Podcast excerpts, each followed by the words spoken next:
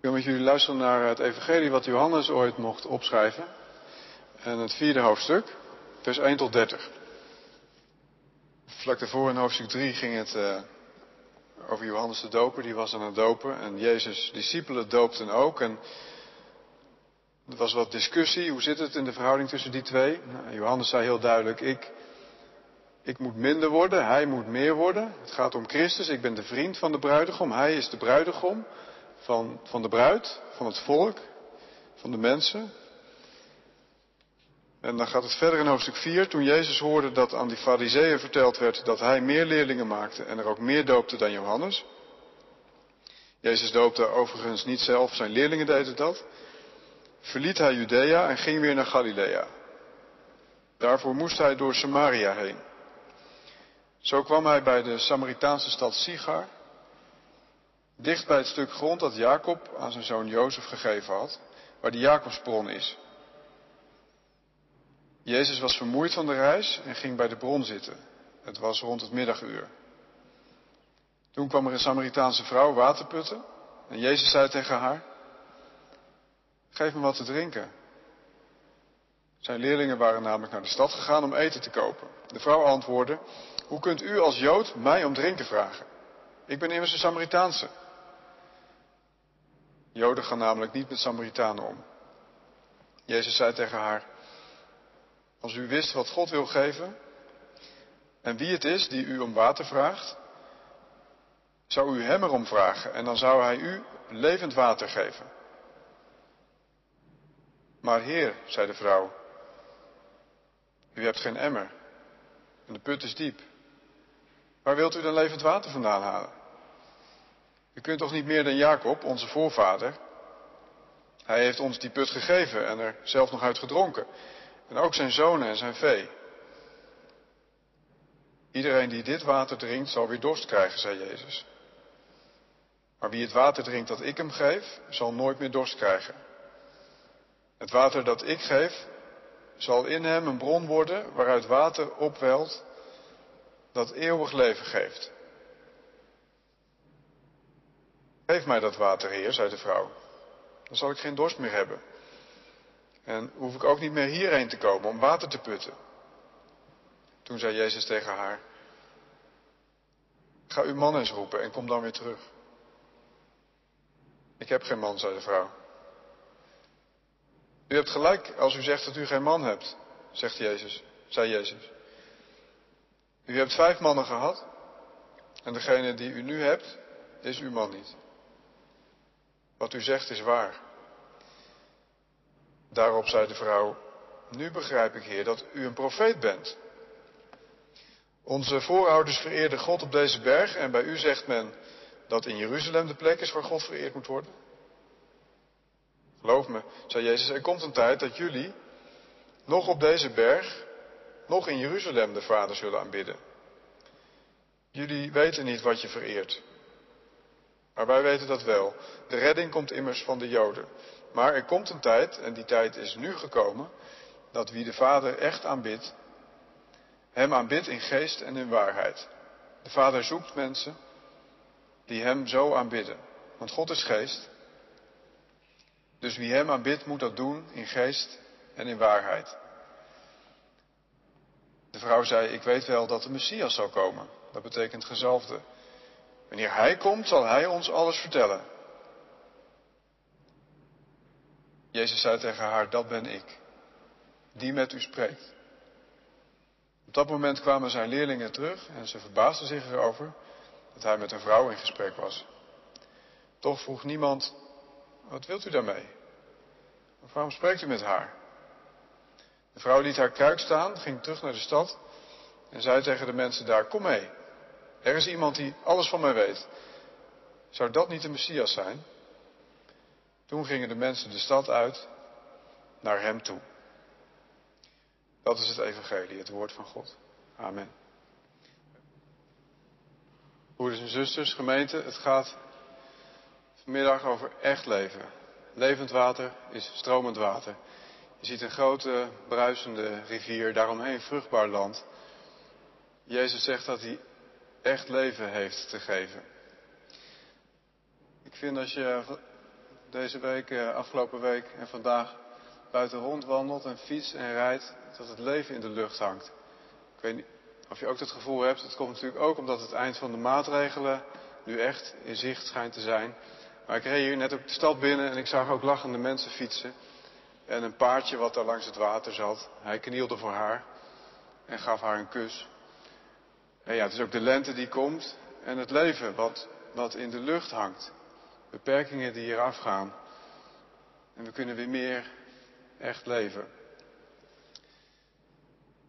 Nou is het natuurlijk wel zo dat de lente en het einde van de coronamaatregelen niet betekent dat dan het echte leven helemaal aanbreekt. Als je er even over nadenkt, en misschien hoef je er helemaal niet even over na te denken, dan weet je wel dat er nog meer hindernissen zijn om echt te leven. Dat ook al eh, schijnt de zon uitbundig en hoef je nergens een mondkapje meer op, dat er toch best wel wat vast kan zitten. Dat je hart vast kan zitten, of een relatie vast kan zitten of af kan breken. Dat het leven nog gezocht wordt door je. Echt leven, stromend water. Dat is wat Christus belooft aan die vrouw en ook aan jou en aan mij. Ik wil drie punten maken vanuit de schrift, vanuit dit gedeelte. Het eerste is dat Christus er alles aan doet, dat hij naar heel veel grenzen toe gaat en er ook overheen stapt om het leven te brengen. Dat is zijn missie. Hij moet in Samaria zijn, die dag. Ja, waarom? Om die vrouw te vinden. Dus Jezus doet er alles aan om dat leven te geven aan mensen. Dat is punt 1. En, en punt 2, dat gaat dan over hoe dat leven eruit ziet. En dat heeft te maken met relaties. Bij die vrouw speelt er van alles met relaties. Dat komt wel naar boven tijdens het gesprek. En het heeft te maken met aanbidding. Daar brengt ze zelf het gesprek op. Ja, wij staan hier bij een berg en er is een ruïne. Hier was een tempel, die is verwoest, maar wij zijn Samaritanen en jullie hebben Jeruzalem. En Jezus zegt, nou wat zoekt God de Vader nou mensen die Hem in geest en in waarheid aanbidden? En dat moment is nu gekomen dat het kan. Dus Jezus doet er alles aan om mensen leven te geven en dan gaat het over relaties en aanbidding.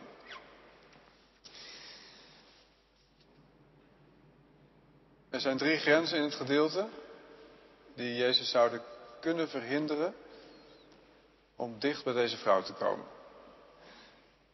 Eerste is wat ze zelf benoemt. Hoe kunt u mij nou aanspreken? U bent toch Joods, niet meer Samaritaans? Gaat er iets niet goed? Oh. En mijn microfoon steekt zo raar uit. En ik zag iemand met zijn hoofd schudden. Ik dacht, ik ben niet te horen. Nee. Oké, alles gaat goed. Nou, alles. Het geluid in elk geval.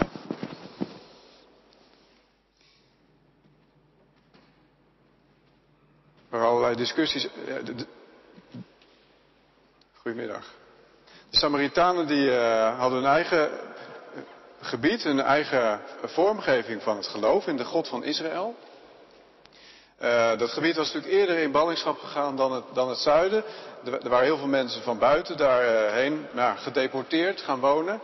Het, ja, was het wel hetzelfde geloof wat ze hadden? Nou, er waren wel eens echte battles. Er werd tot bloedens toe gevochten soms. Maar meestal was het gewoon elkaar vermijden en de grenzen in de gaten houden. Tussen Joden en Samaritanen. En er waren allerlei discussies over nou, hoe ver het dan ging.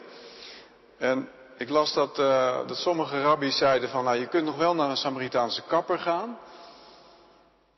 Maar wat dus niet kan, is dat je je kind eh, borstvoeding laat geven door een Samaritaanse vrouw. Want er komt er echt iets nou, uit haar komt in het kind. Nou ja, water geven, waterputten, dat zit er een beetje tussenin. Maar dat, dat Jezus zijn lippen zou zetten eh, aan een emmertje van die vrouw. Ze moesten uit elkaar blijven. Nou, Jezus zegt zelfs, zelf, van ja, jullie weten niet waar je het over hebben. Dat het hel is uit de Joden. Hij gaat naar die Samaritaanse vrouw toe. Hij zoekt het contact. En ze is, is een vrouw. En uh,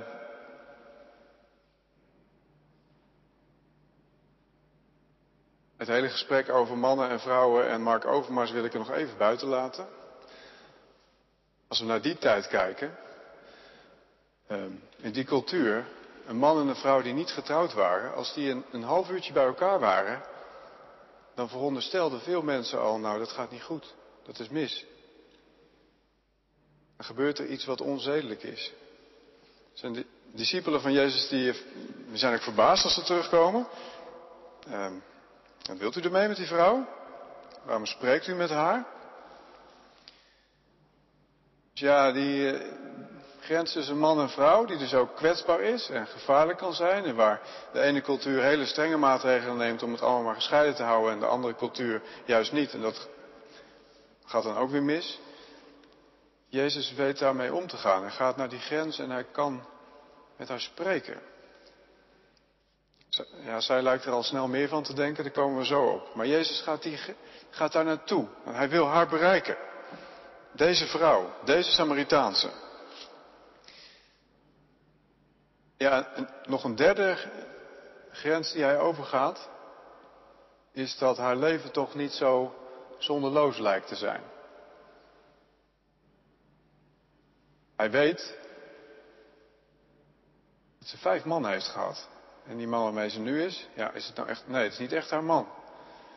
Daar woont ze dan wel bij, maar. In ieder geval werd zij gezien door de mensen als een zondares. Of ze het ook was, daar komen we nog op. Maar zo werd ze gezien. Met die vrouw is het aan de hand.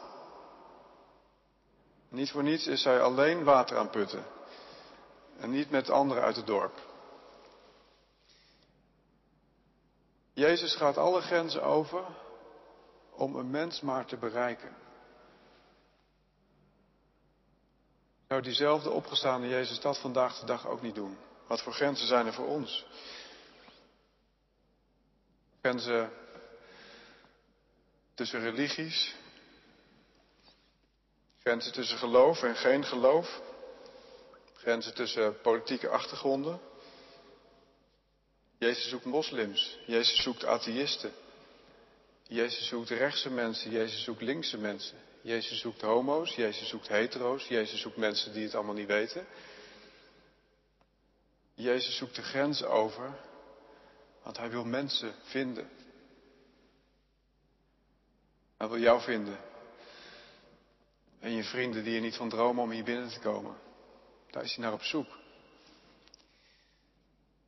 Dat, dat zinnetje daarvoor moest hij door Samaria heen in vers 4. Dat vind ik zo'n mooi zinnetje.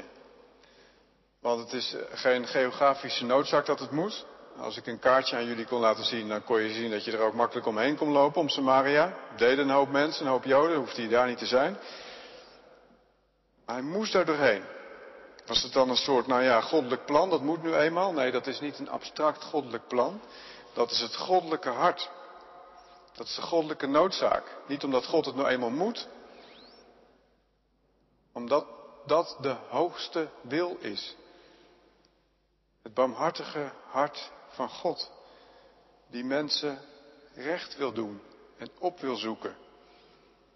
En niet altijd bij bosjes, zoals op de eerste Pinksterdag, maar ook mens voor mens. Waarom moet Jezus de Samaria heen? Om haar te vinden. Waar is Jezus mee bezig? In Gods naam. Met het vinden van mij. En van jou.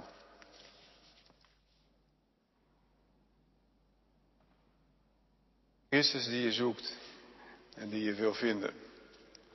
Wat gebeurt er dan?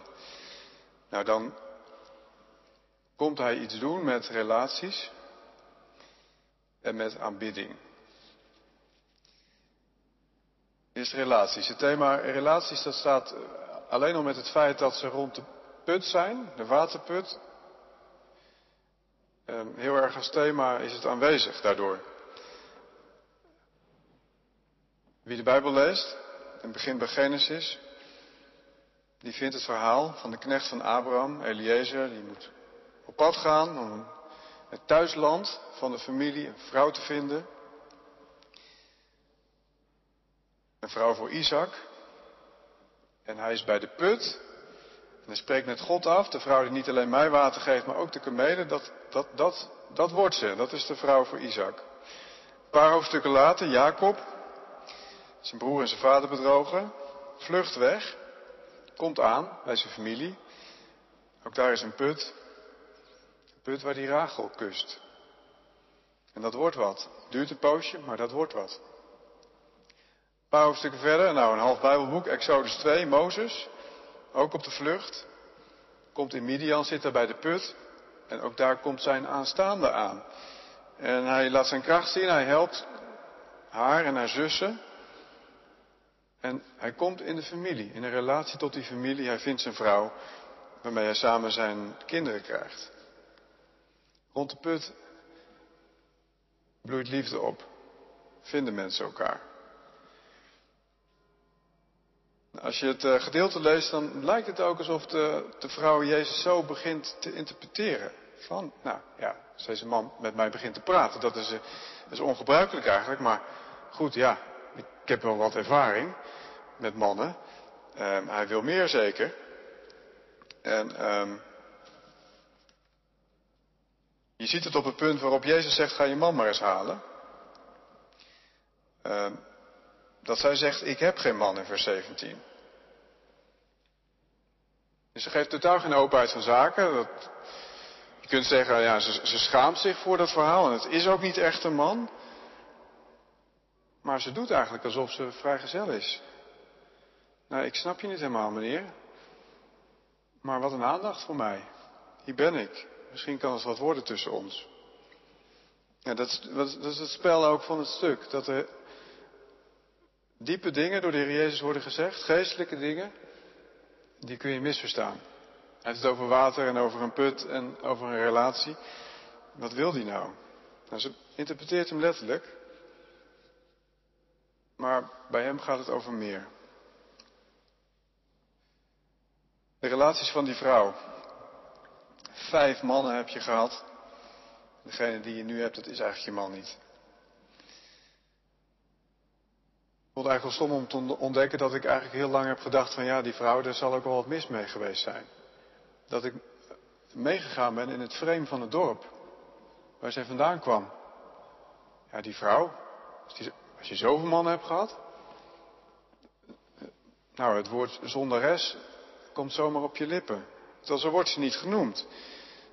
Ze zegt wel dat hij alles van haar weet, letterlijk ook van wat ze gedaan heeft. Maar er wordt niet gezegd dat ze iets verkeerds heeft gedaan. Ik, ik, ik ben gaan denken, ja misschien is het niet zo ter zake hoor. Maar ik ben gaan denken dat het misschien wel een, hele mooie vrouw was. Die Samaritaanse. Want in principe een vrouw na, ja, na, na twee huwelijken was toch wel afgeschreven hoor. Wie wil die vrouw nou nog hebben? Er is toch iets mee. Ze was zo mooi denk ik dan. Dat er toch weer een man haar wel wilde hebben. En misschien was dat ook wel een patroon in haar leven. Dat ze werd gezien omdat ze mooi was. En daarom werd gewaardeerd. En dat er niet verder werd gekeken naar haar leven. En misschien dat ze zelf innerlijk ook nooit als vrouw is gegroeid. Want haar kracht was haar buitenkant. Ja, daar was man nummer vier. Nou goed, dan man nummer vijf. Maar er ontstond nooit een diepere relatie. En het ging steeds mis. Je weet niet of zij misbruikt is en mishandeld is. Sowieso had ze minder rechten. En kon ze destijds ook de krant niet bellen. Daar is ze. Met haar gebroken leven. Misschien ook wel altijd rusteloos gebleven na het eerste huwelijk wat stuk ging. Of na haar eerste man die misschien is overleden nooit meer echt thuisgekomen. Zwervend van huis naar huis, van man naar man. Nooit echt lang kunnen hechten aan één geliefde. En Jezus die ziet dat. En die veroordeelt dat niet. Ja, dat is waar. Zo is jouw leven. En hij zoekt het gesprek. Niet om gelijk wat van haar te krijgen, maar om haar leven te zien. Om haar wat te geven. Ze mag zichzelf laten zien en hij laat zichzelf steeds meer zien. Niet in de zin van een fysieke relatie, maar wie hij is ten diepste. De profeet die haar leven echt ziet. Ja, ja, de Messias. En dat ben ik dus. Degene die je echt leven wil schenken. En je ziet dat het gaat vloeien, dat het gaat lopen bij die vrouw. Aan het eind ook dan, heel symbolisch, dan zet ze de kruik zet ze aan de kant. Dus die kruik met het letterlijke water, waar het steeds over ging, die laat ze staan. Daar gaat het nu even niet meer over. Maar het begint te vloeien uit haar mond.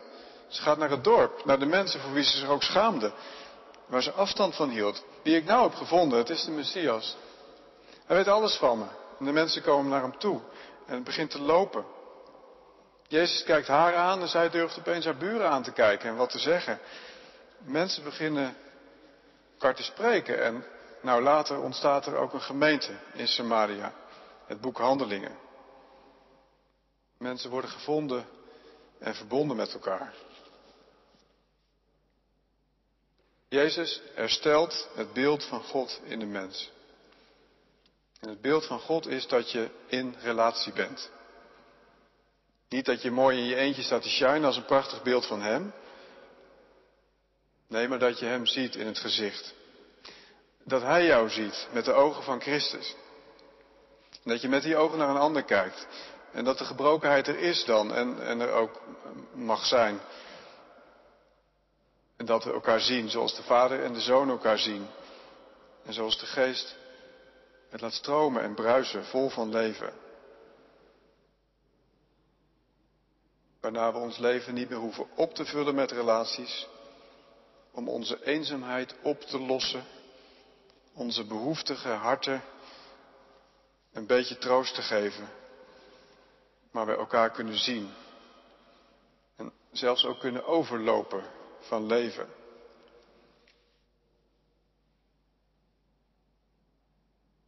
Jezus doet er alles aan om een mens te vinden. Hij gaat grenzen over. En hij ziet gebroken relaties en brengt herstel. Brengt mensen in relatie met hem en met anderen. Dan het laatste punt van de preek. En dat gaat over aanbidding. Uh, er wordt wel gezegd dat het een beetje een afleidingsmanoeuvre van de vrouw is om, om daarover uh, te gaan beginnen. Vers 18 ging het over die vijf mannen. Vers 19, nu begrijp ik heer dat u een profeet bent. En dan hoep. Onze voorouders vereerden God op deze berg. Ja, als het een beetje uh, spannend wordt het gesprek. Nou, dan kunnen we altijd nog uh, gaan praten over, uh, nou ja, hoe de kerkdienst was. Of wat er gebeurde bij Wie is de Mol. Of, nou, dat is niet, niet belangrijk. Een echt belangrijk onderwerp. Waardoor echt de aandacht verschoven is. Echt iets heel dieps. Misschien is dat het wel geweest, maar hoe dan ook, Jezus die gebruikt haar move om haar nog iets te vertellen. Over de plek van aanbidding. Ze stonden daar uh, op die put op een plek waar ze, nou vermoedelijk, nog iets van de ruïnes konden zien van de tempel die de Samaritanen hadden gebouwd. Die was al 200 jaar ervoor uh, stuk gemaakt. Um, maar er waren, er waren vast nog resten van toen. Ja, nou ja, daar hebben wij gezongen en geknield. En jullie in Jeruzalem, die tempel staat er weer mooi bij. Hoe zit dat nou? Geloof me, zei Jezus, er komt een tijd dat jullie nog op deze berg, nog in Jeruzalem, de Vader zullen aanbidden. Er komt een tijd, die tijd is nu, dat wie de Vader echt aanbidt, hem aanbidt in geest en in waarheid. De Vader zoekt mensen die Hem zo aanbidden. Komen tot God, je leven bij Hem neerleggen en prijzen. Dat kan op een prachtige plek. Nou ja, een plek zoals hier. Waar het orgel meewerkt en de ruimte. De geschiedenis die je voelt. Maar het is allemaal een stijger rondom het werk van God, wat op je hart gericht is. De De Vader zoekt mensen die Hem in geest en in waarheid aanbidden. In waarheid, met de, met de oprechtheid waarmee die vrouw haar leven vertelt. Uiteindelijk laat zien ook aan Jezus. En ook in geest. Niet, niet dat je daarvoor een, een diepe diepte ergens moet vinden in jezelf of moet opklimmen tot je in de geestelijke hoogte bent. Nee, de geest van de God van Israël. Weet je wel, die in Genesis 2 wordt ingeblazen in de mens. De geest die het leven zoekt te brengen op aarde, in mensenharten. Die geest. En in heel het Johannes-evangelie is een groot thema dat elk mens dan een tempel van God mag zijn. In Johannes 2 is het al Jezus die bij de tempel zegt, ja ik breek hem af en in drie dagen zal ik hem opbouwen. Dat gaat over zijn eigen lichaam.